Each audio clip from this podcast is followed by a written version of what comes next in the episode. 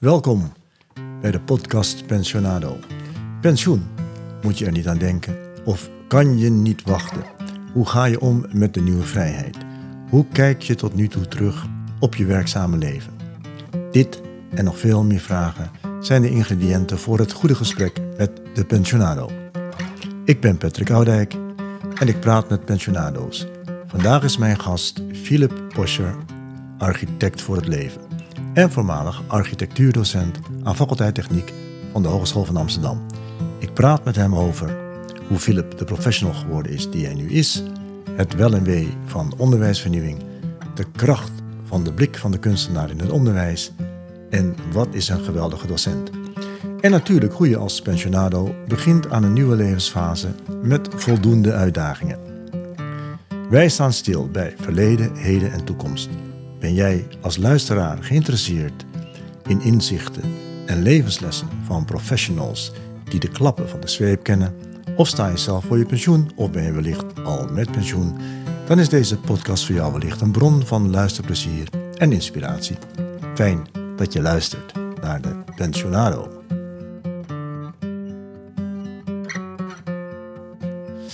Naast mij op de bank Philip Boscher. Philip, hartelijk welkom. Dank je. Om te beginnen, wie is Philip Boscher? Uh, Philip Boscher uh, uh, is voor, voor, een heel groot deel een docent architectuur en een architect. En hij is nu bijna 67 en geboren in Amsterdam. En voor een heel groot deel ook in deze buurt gebleven. En nu woon ik in Haarlem. ik ben getrouwd met Mirjam Broeders. Ehm, en we hebben samen uh, een dochter gekregen, die nu al uh, eh, 24 is. Uh, en dit gesprek gaat eigenlijk een beetje over inderdaad een terugblik op het werkzame leven. Dankjewel, Philip, dankjewel. Ja. werkzame leven, je vertelde net dat je was architect, je bent architect? Was en ben. Je bent architect voor het leven, is dat het? Het scheelt niet veel. Dat is toch een soort beroep dat uh, wat dieper gaat dan, laten we zeggen, alleen de buitenkant van je hersenvlies. Uh, het is iets wat bijna in je ruggenmerg gaat zitten. Ik voel me bijna ook letterlijk met hart en nieren een ontwerper. Met hart en nieren een ontwerper en dat zit in je ruggenmerg. Nou, dat is een mooie metafoor, ja. denk ik, voor al die zaken die je al hebt uh, ontworpen, denk ik. Ja. Um, je bent pas met pensioen. Klopt. Pas met pensioen. Ja. Uh, hoe voelt dat nu? Ja, prima. Ik uh, uh, had me aan de ene kant wel voorgenomen om niet met pensioen te gaan. ook wat het lesgeven betreft. maar kennelijk heeft de organisatie besloten dat de einddatum definitief is. Dus dat is verplicht om met pensioen te gaan. Ja. En ja, dat heeft me ook wel verrast. ik had eigenlijk nog wel graag een tijdje uh, lesgegeven. Ik uh, heb het ook altijd leuk met uh, studenten en met collega's. En ik vind het ook eigenlijk een van de leukste dingen wat je kunt doen.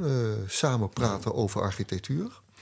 Ehm, dus het heeft me moeite gekost om het te resetten. maar dat is eigenlijk nu toch wel gelukt. En ehm, ik verheug me ook eigenlijk wel, misschien ook wel bijna voor het eerst, om eens na te denken wat ik allemaal verder nog zou willen doen. Uh, daarnaast uh, ben ik nog steeds uh, praktiserend architect en ben ik fijn bezig met ontwerpen en eigenlijk de eindeloze puzzel die daarbij hoort. Hoe krijg je jij voor elkaar waar een ontwerp voor bedoeld is? Ja. Dus in die zin kun je zeggen, ben ik nu voor de helft met pensioen. Voor de helft met pensioen. Hoe mooi verwoord is dat? Ja. hey, Philip, uh, architect, dat word je niet zomaar, hè?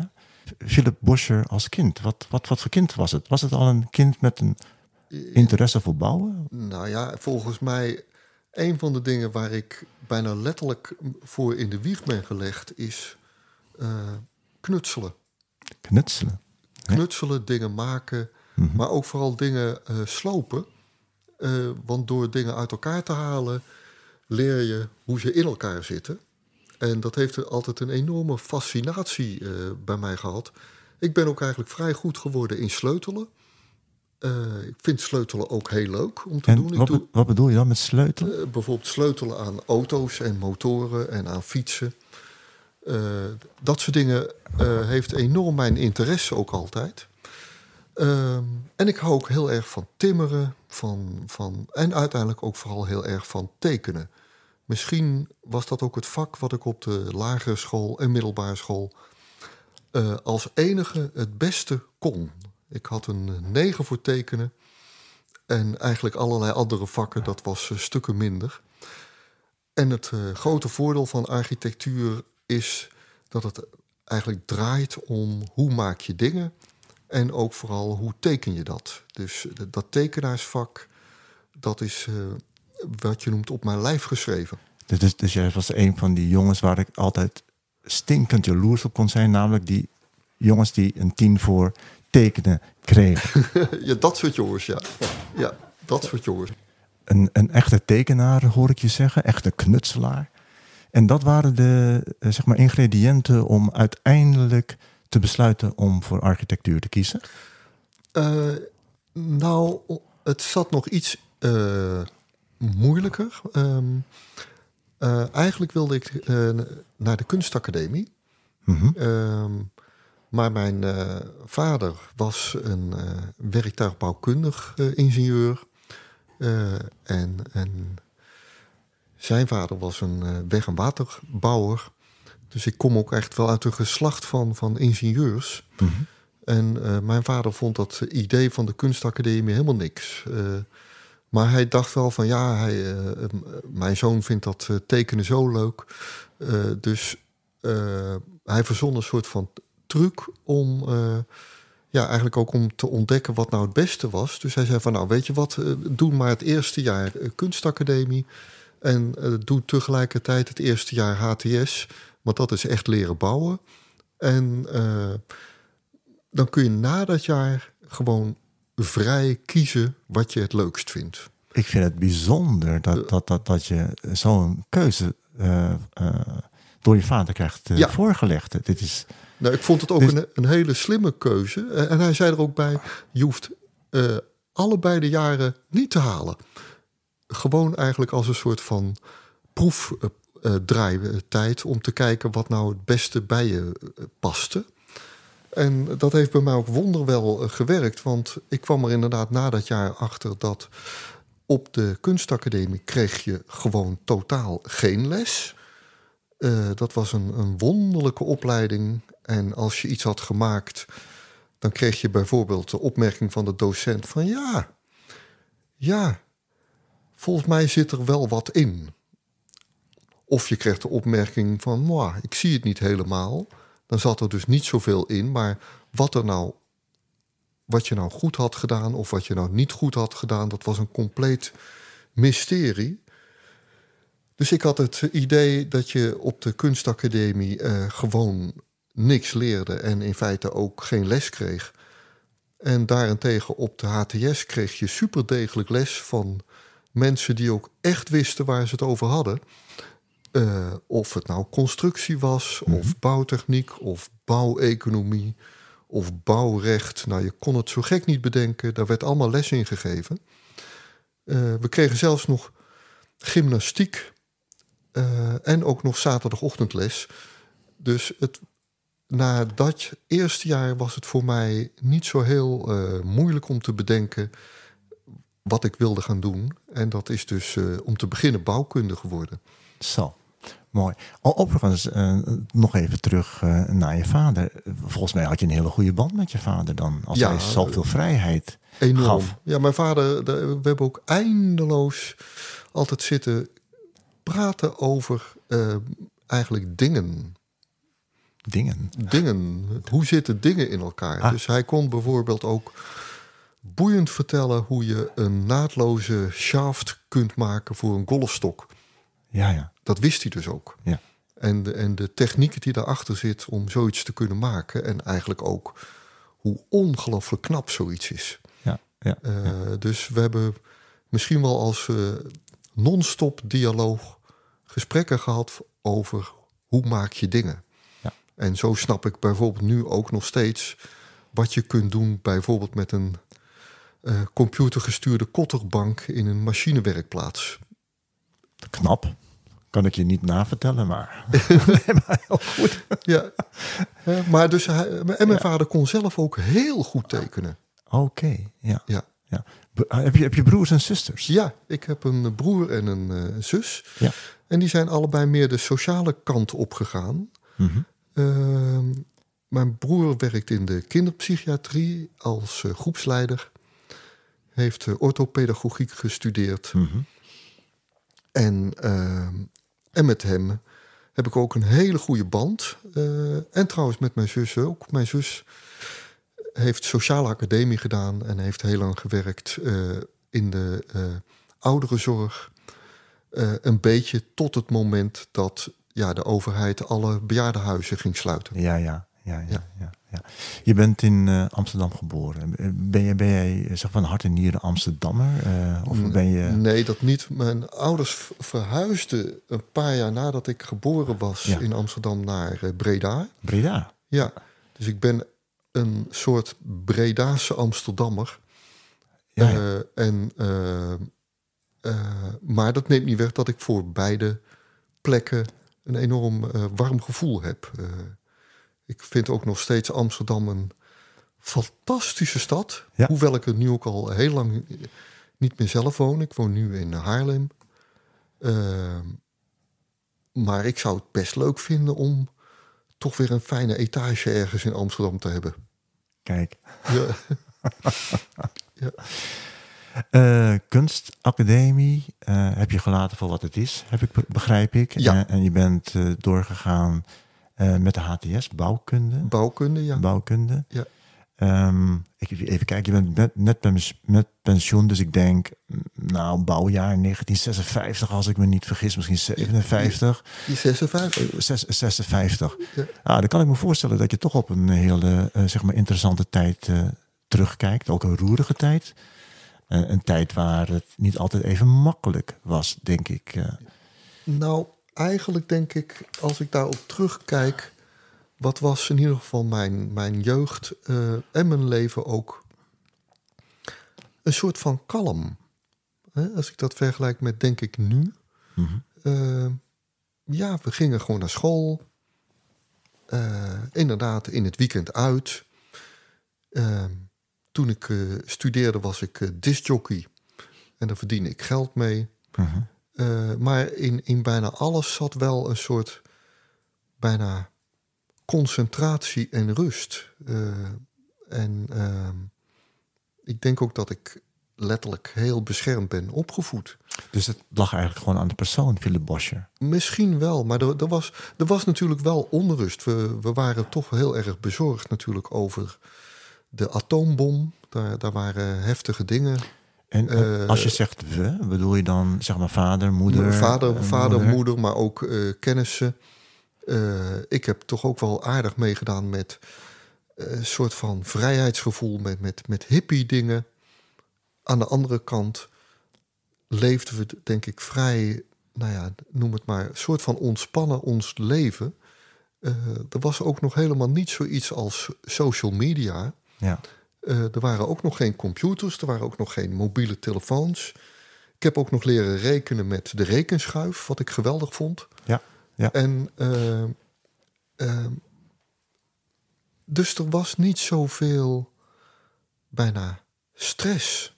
Uh, trouwens, dat gold denk ik ook voor mijn ouders. Mijn vader werkte bijvoorbeeld wel heel veel. En ik denk mm -hmm. dat deden alle vaders. Wat, wat, wat, deed je vader als ik vraag mag? Um, hij was uh, in Amsterdam vertegenwoordiger bij Bernet, een grote Bernet. machinefabriek. Ja.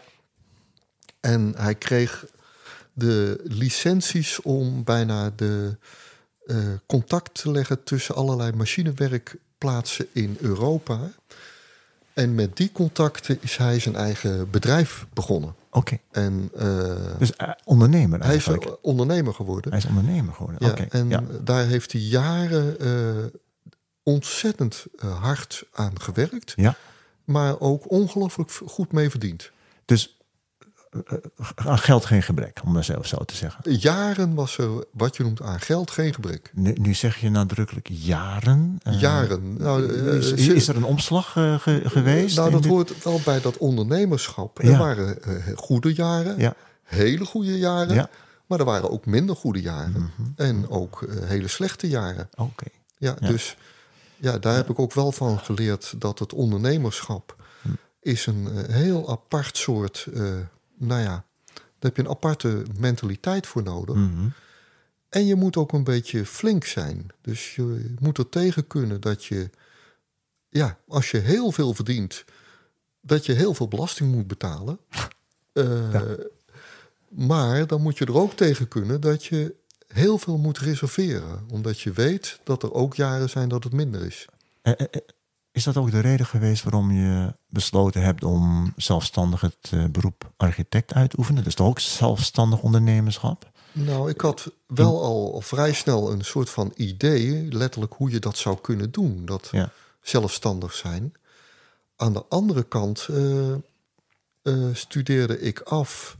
Toen was het eh, grote economische crisis. Wanneer studeer je, studeer je Eh, af? 1 en 82 Dus op de HTS. Op de HTS. Ja, Ja. de, bouwcrisis Ja. herinner ik mij nog. Ja. Ja. En eh, de, toen wij ons diploma kregen van de directeur, zei die directeur ook dat, nou ja, wij, de jongens en één meisje van de bouwkunde, toch beter iets anders konden doen, want er was absoluut geen werk.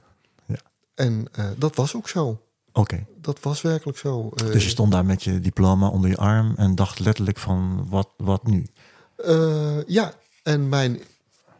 Ik had eigenlijk niet zo gek veel plan. Ik wilde eigenlijk heel graag tekenaar worden op een architectenkantoor. Daar had ik nou zin in. Oké. Vanwege dat mooie Ja. tekenen Ja. waar je klaarblijkelijk talent voor had. Ja. Ja. ja. Nog steeds denk ik, ik kon toen echt ook al prachtige tekeningen maken, zonder, zonder twijfel. ja. En, eh, maar dat was dus onmogelijk. En toen heb ik het geld van de zilvervloot, dat bestond toen, van de bank gehaald en ik ben op wereldreis gegaan. Dus je hebt letterlijk Piet Hein, eh, zeg maar, bezocht. Ja, en ik heb eh, drie maanden door de Verenigde Staten gereisd. Ik had Ja. een auto gekocht in New York. En nou, dat was een fantastische ervaring. Door heel Amerika rijden met dat ding.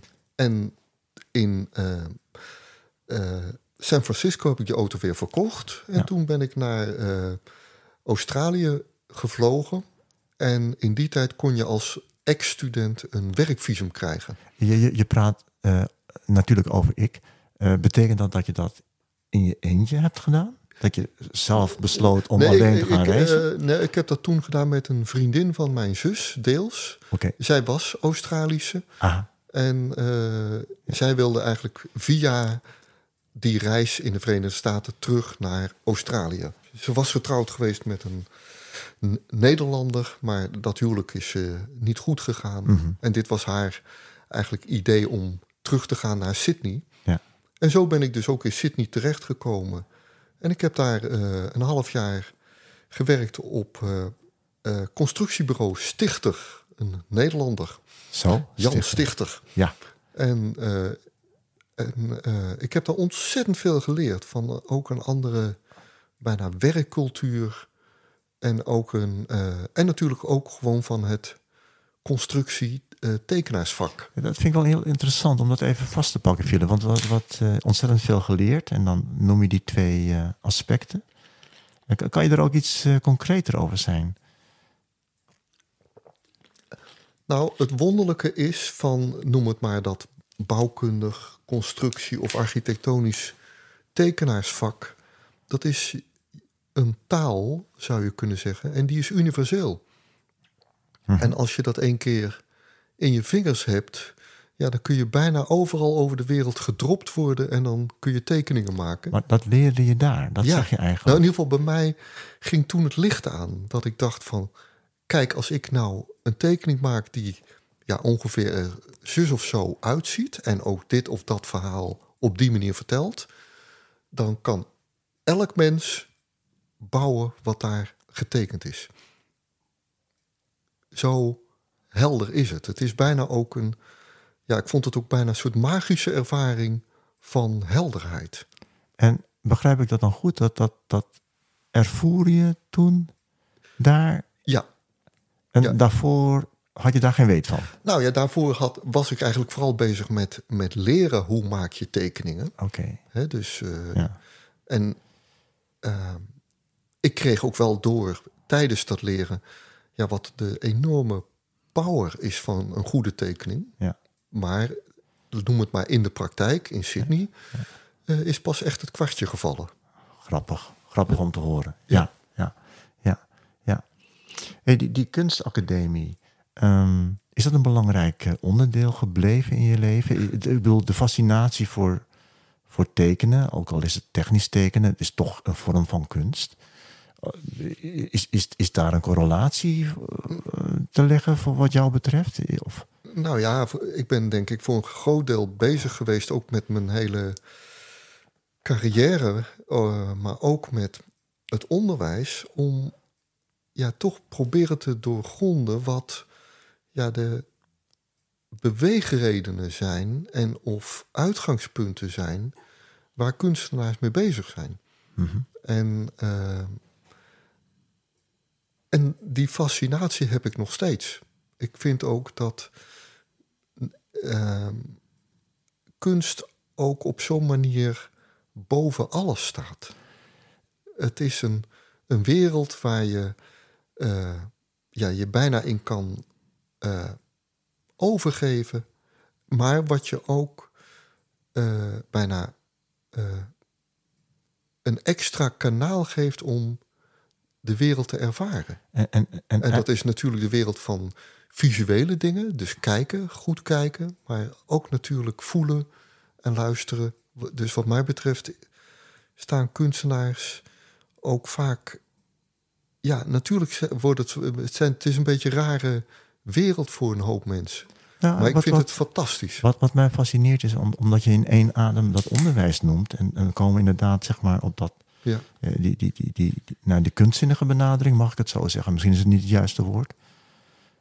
Maar zeg je daarmee eigenlijk dat er te- in dat onderwijs veel te weinig aandacht wordt besteed aan, aan een dergelijke benadering? Zeker in het technisch onderwijs, want dat is dan ook jouw, jouw ding.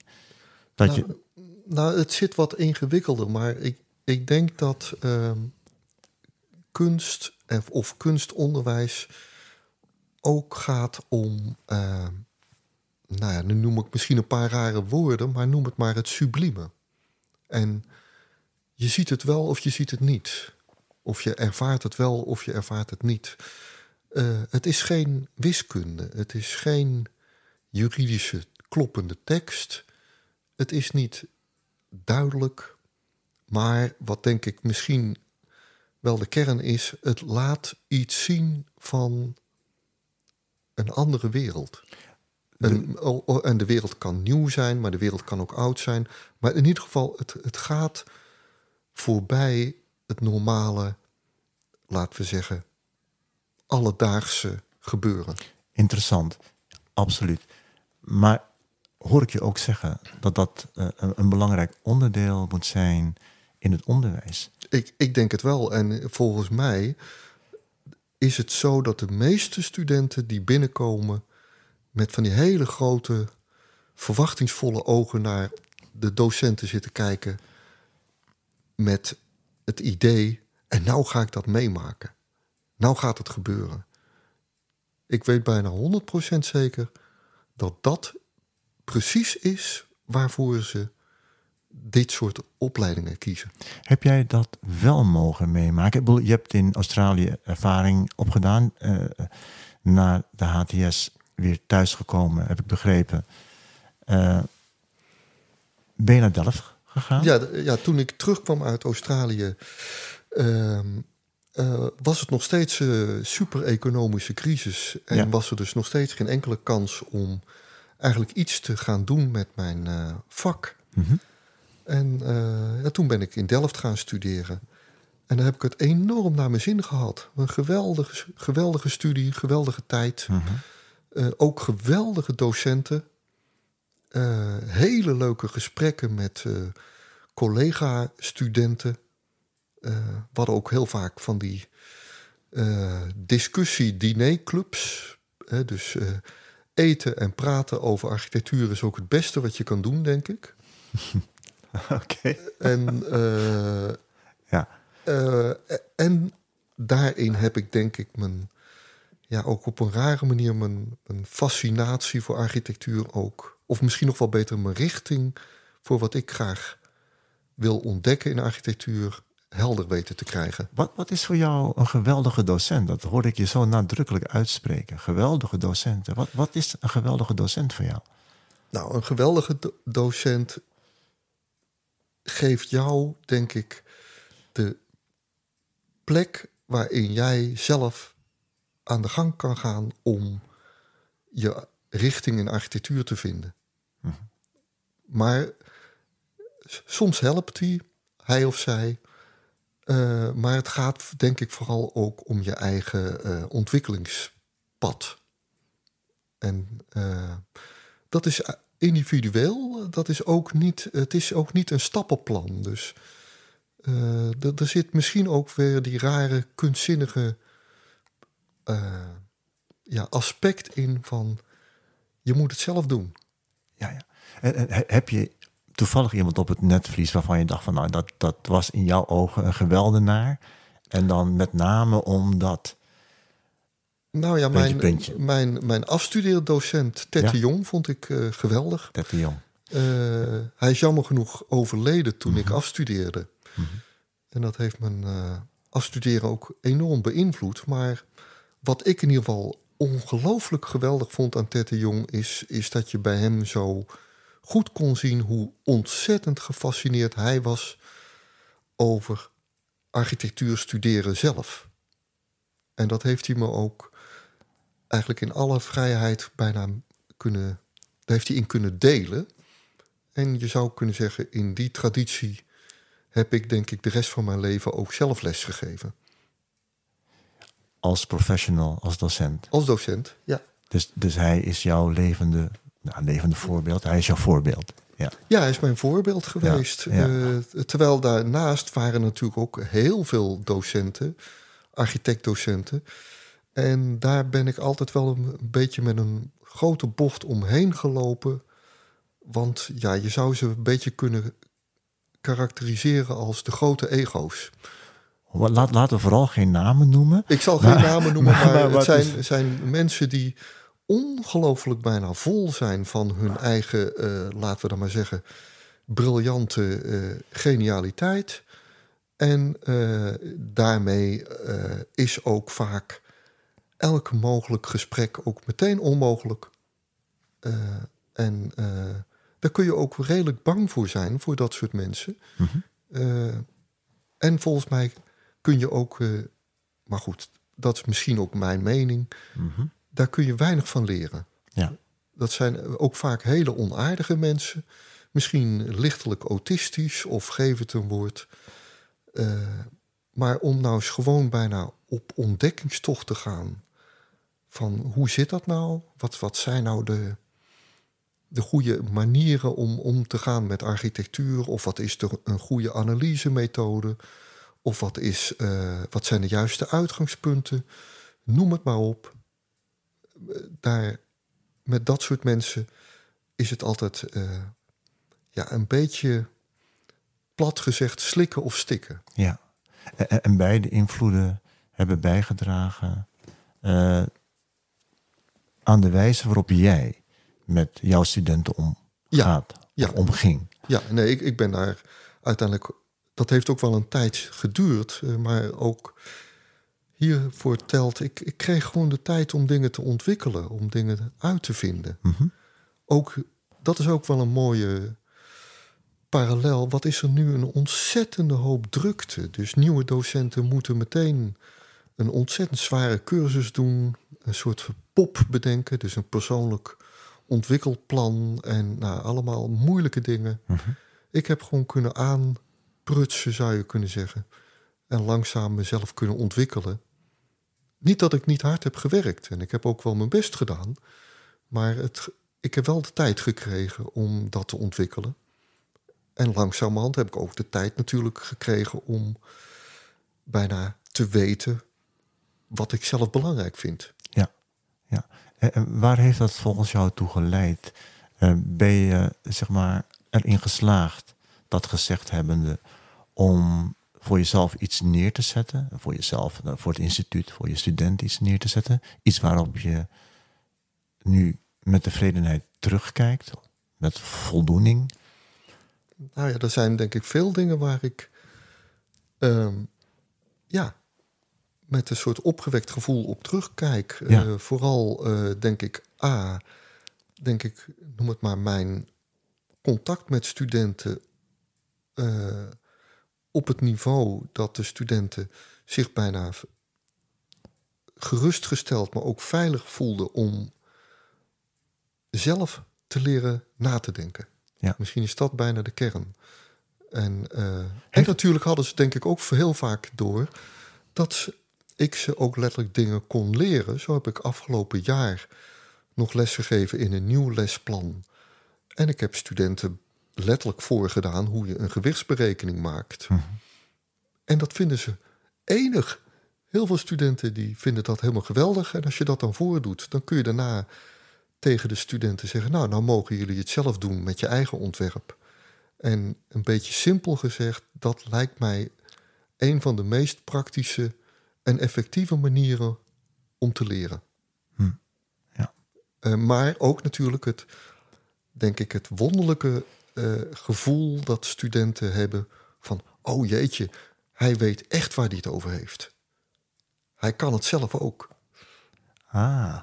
dus het is niet alleen maar uh, dat je een kunstje voordoet. Nee, hij, de docent weet waar hij het over heeft. En dat is een belangrijk ingrediënt om studenten te inspireren.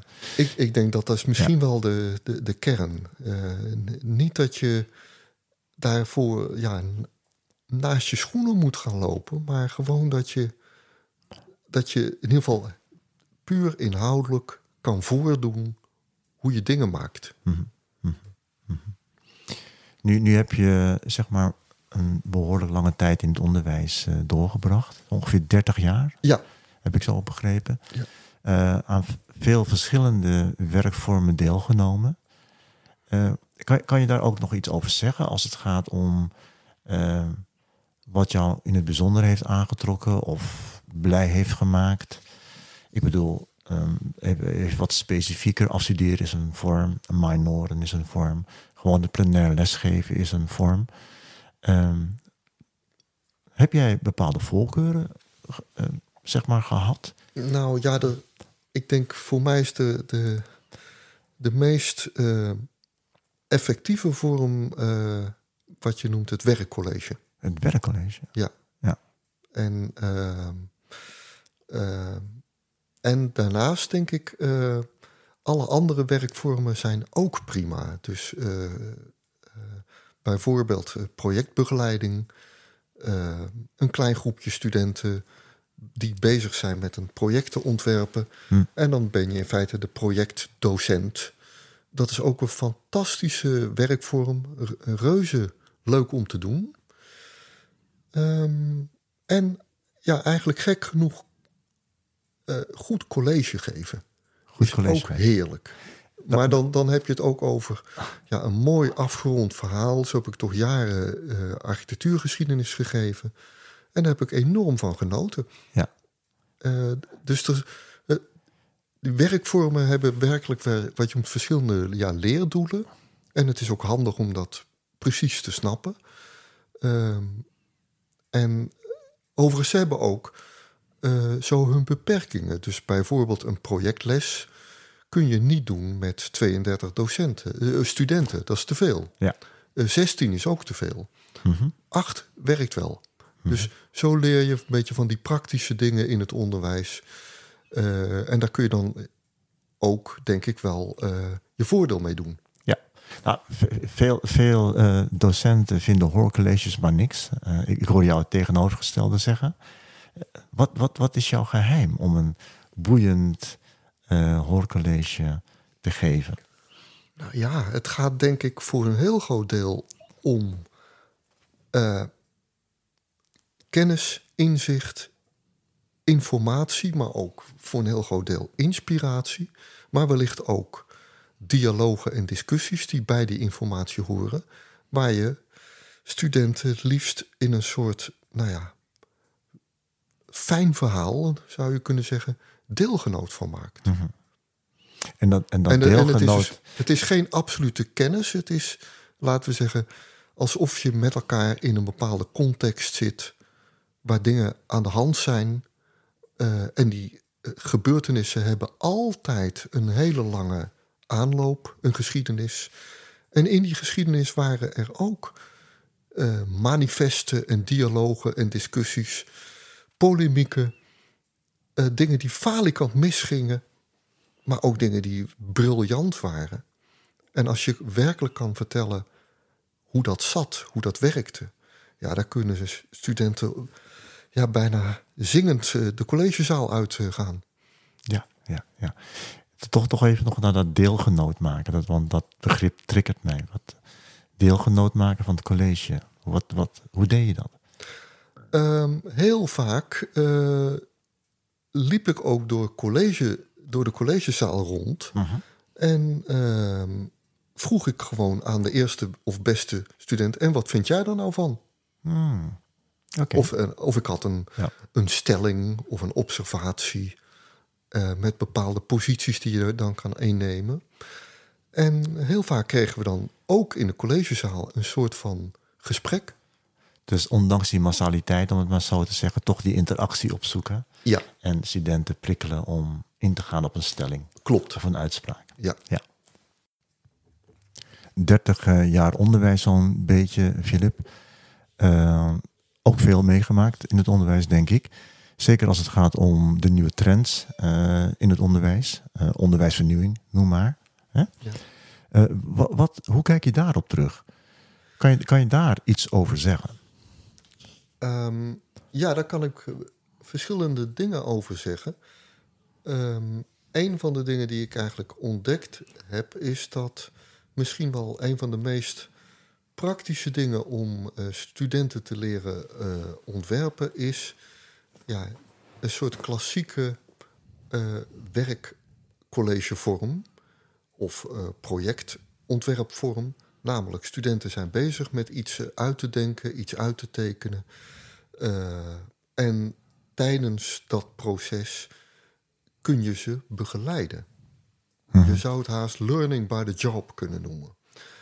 Ongelooflijk effectief, onwaarschijnlijk simpel. Hier hoef je ook bijna niks voor te plannen of te organiseren. Je kan zelfs beginnen met een ontwerples dat je een stoel gaat eh, ontwerpen. En dat was ook jaren de eerste ontwerpopdracht voor studenten. Ehm, dat telt eigenlijk ook voor het nederige vak eh, handtekenen en schetsen. Gewoon dingen natekenen, leren kijken. Een docent helpt je. Een docent kan je ook helpen om door te krijgen hoe zit dat nou met perspectief en de horizon en verdwijnpunten. Simpele lessen die onwaarschijnlijk eh, effectief zijn. De- de- ik hoor, ik hoor je nu zeggen, onderwijsvernieuwing is gewoon weer terug naar de basis. Nou, waar ik in ieder geval achter ben gekomen, is dat heel veel onderwijsvernieuwingen hebben een, eh, eh, een onderwijskundig idee, een onderwijskundig concept. En het lastige is, met die ideeën is niks mis mee. Dat zijn meestal ook hele aardige ideeën, ook hele sympathieke ideeën. Ehm, maar ze gaan meestal een beetje voorbij aan het feit dat studenten in feite gewoon willen leren bouwen. Hmm. Eh, en eh, het wonderlijke daarvan is, is dat je dan dus bijvoorbeeld krijgt. Ik zal een soort van rare denkfout even noemen. Heeft niet zo heel lang geduurd. Dat het idee was dat studenten door het nieuwe onderwijs zo enthousiast zouden worden dat ze wel vanzelf zouden leren tekenen. En dus ook vanzelf zouden leren bouwkundig, eh, bouwkundige tekeningen leren maken. Mhm. Eh, dat is dus gewoon niet gebleken dat dat werkt. En toen hadden we inderdaad een paar jaargangen afstudeerders die gewoon nog niet konden tekenen. Eh, en dat heeft ook natuurlijk voor lastige eh, discussies eh, geleid. Want hoe moet je dan studenten gaan beoordelen die afstuderen op een afstudeerproject waarin overduidelijk is dat ze geen tekening kunnen maken. Nou, zo zijn er nogal wat onderwijsvernieuwingen geweest. Ik denk in de, het, uh, het lastige is ook dat uh, vaak tijdens een onderwijsvernieuwing de onderwijsvernieuwing zelf alweer aan vernieuwing toe was, omdat we wisten dat het niet werkte. Kortom, ik wil eigenlijk toch haast weer bijna pleiten voor misschien het simpele van het tekenonderwijs, waar ongeveer bijna alles in samen kan komen, inclusief natuurlijk ook het rekenen. Want dat is ook iets wat echt veranderd is in dat technische onderwijs. De meeste studenten maken geen enkele berekening meer. Ja. En, uh, en ik ben daar ook achter gekomen dat het juist zo fantastisch is om eens een keer iets gewoon uit te rekenen. Want wiskunde zorgt in feite voor een uitkomst.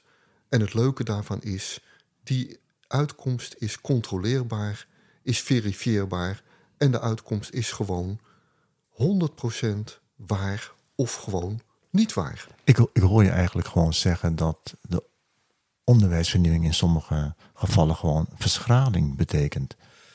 Verlies van vaardigheden. Uh, ja, dat denk ik wel. Het, het, is, uh, het is pijnlijk om te moeten constateren dat heel veel, uh, nou ja, op zich trouwens staande, maar nu herhaal ik me, nobele ideeën eigenlijk het onderwijs zelf, of zeker dus het bouwkundige onderwijs, bouwkundig technisch onderwijs, ja. eigenlijk hebben laten verdwijnen. Ja, nee, duidelijk. Oké. Um, even naar een ander punt. Hè. Uh, pensioenleeftijd is uh, ingetreden, zoals dat zo mooi wordt uh, genoemd. ik kan me heel goed voorstellen dat het een belangrijk moment is om naar achter te kijken, naar het verleden te kijken, wat we ook gedaan hebben. Um, als je dat nu in grote lijnen zou moeten vertalen naar de dingen die je hebt meegenomen, wat, wat, wat neem je dan mee vanuit al die ervaringen die je eh, zeg maar hebt opgedaan? En hoe vertaalt, vertaalt zich dat naar hoe je in de toekomst zeg maar, je activiteiten wilt gaan vormgeven? Nou ja, um, er zijn heel veel dingen die ik eigenlijk wil gaan doen. En daar ben ik eigenlijk ook al een tijd mee bezig. Mm -hmm. Maar ik denk wel een van de belangrijke dingen van het pensioen is dat ik me ineens toch ja, lastige gedachten, maar ik realiseer me dat ik toch ga beginnen aan een andere levensfase. Mm -hmm. uh, waarin ik niet meer, laten we zeggen, carrière moet maken. -hmm. Waarin ik niet meer aan de weg hoef te timmeren. Waarin ik ook niet zozeer meer ja, heel hard moet gaan werken om geld te verdienen. Uh, waarin ik dus letterlijk ja, eigenlijk me kan gaan concentreren en wellicht ook wel moet gaan concentreren op uh, een nieuw soort uh, leven waarin ik in principe vrij ben. Waarin ik ook in principe kan doen en laten wat ik wil. En ik heb een aantal uh, dingen waar ik eigenlijk reuze in geïnteresseerd ben en waar ik ook al mee ben begonnen. zo zit ik al een heel wat jaren op naailes. Mm -hmm. En ik vind het leuk om uh, kleding te maken. Maar ik vind het ook heel erg leuk om die technieken te leren kennen. Mm -hmm. uh, in die zin is naaien en architectuur lijkt enorm veel uh, op elkaar. Namelijk dat je liefst met de meest simpele en liefst ook meest goedkope dingen een soort 3D mooi ding maakt. Ja. Ja. ja. En ik ben nu begonnen met de coupeuropleiding. Dus ik ben aan het leren om naaipatronen te ontwerpen. Ja. Um, dus de, de knutselaar. De knutselaar. En Philip is nog springlevend. Oh, Philip is 100% gezond. betekent, betekent dat ook, Philip, dat dat, dat, dat zogenaamde zwarte gat, hè, waar je sommige mensen wel uh, over hoort praten, dat dat bij jou niet aan de orde is? Nou ja, op dit moment nog niet. Uh, maar goed, ja, ik had dus toch ook nog best een paar jaar had ik best wel het leuk gevonden om les te blijven geven. Ja. Maar goed, dat gaat dus niet ge gebeuren. Dus ik heb ook alle, allerlei andere dingen waar ik eh, mee bezig ben. En eh, zo heb ik me ook voorgenomen om uh, stagiaire te worden bij een leuke autogarage.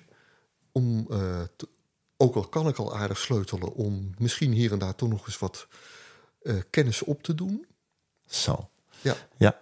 En, ehm, en in een van mijn fantasieën, maar dat moet ik misschien ook nog gaan verder gaan uitwerken, is dat ik wellicht me ook opgeef uh, aan als student bij het doopsgezind seminarie in Amsterdam om doopsgezinde theologie te gaan studeren. Grote plannen? Nou ja, in ieder geval plannen waar je uh, en je handen en je hoofd een beetje uh, fijn kunt gebruiken. En, en, is het dan ook nog zeg maar een ambitie om dat te vertalen naar maatschappelijke impact?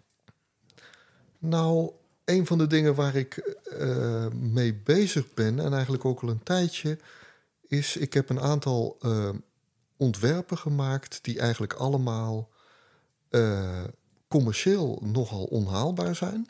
En ook niet zo heel erg interessant. Maar ze zijn wel sociaal-maatschappelijk interessant. Dus zo zou ik het leuk vinden om een dorpje te bedenken. Wat ik ook al een keer heb gedaan voor de ouder wordende mens, zodat ze een soort leefgemeenschapje zouden kunnen beginnen. Misschien ook op zo'n manier dat ze nog wat langer zelfredzaam zouden kunnen zijn. En wellicht ook, ook op zo'n manier dat ze nog een bijdrage kunnen leveren aan de samenleving. Dus dat is een ontwerp waar ik uh, heftig mee bezig ben.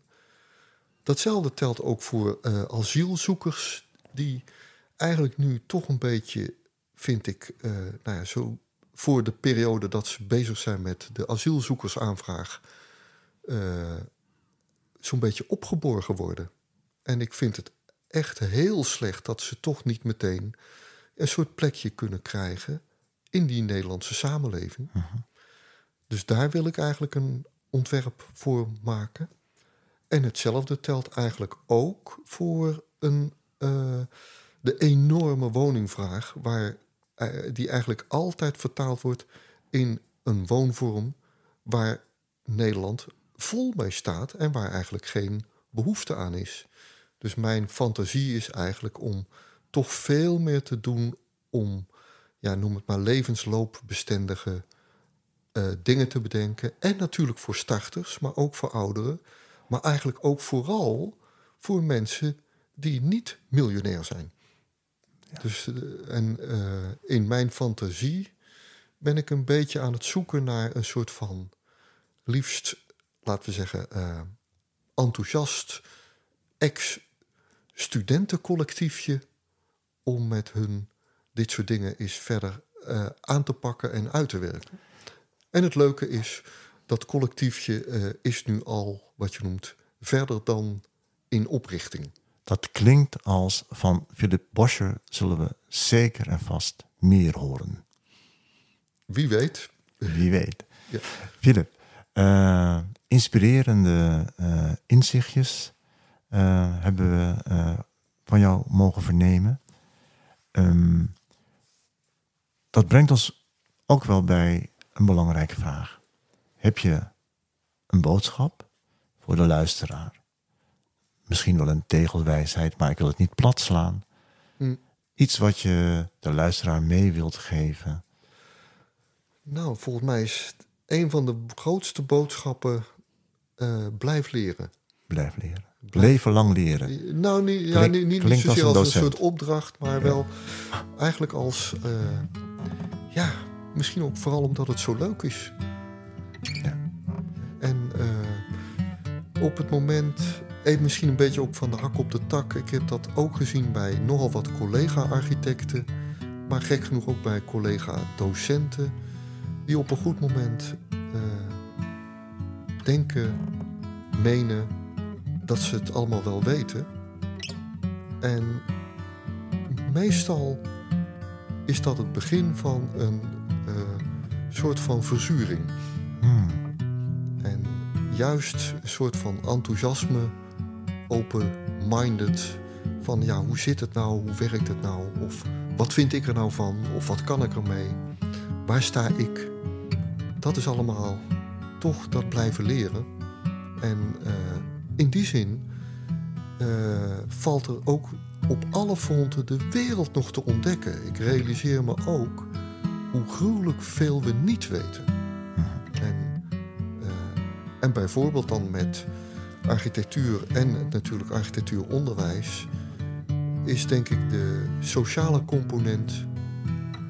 Ja, misschien wel hoe maak je nou een samenleving die gelukkig is. Wel een bijna oceaan van kennis die nog ontwikkeld zou kunnen worden. Prachtig poëtisch uh, uitgedrukt, uh, Philip. Ja. Ik denk dat we zeg maar, daarmee aan het einde zijn gekomen van onze, van onze podcast. Uh, Dank je wel voor je openhartigheid.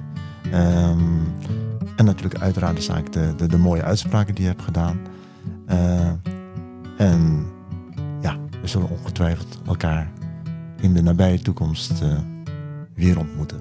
Oké. Okay. Philips, nogmaals ja. hartelijk dank. Laatste woord? Ja, dank voor het gesprek. Graag gedaan.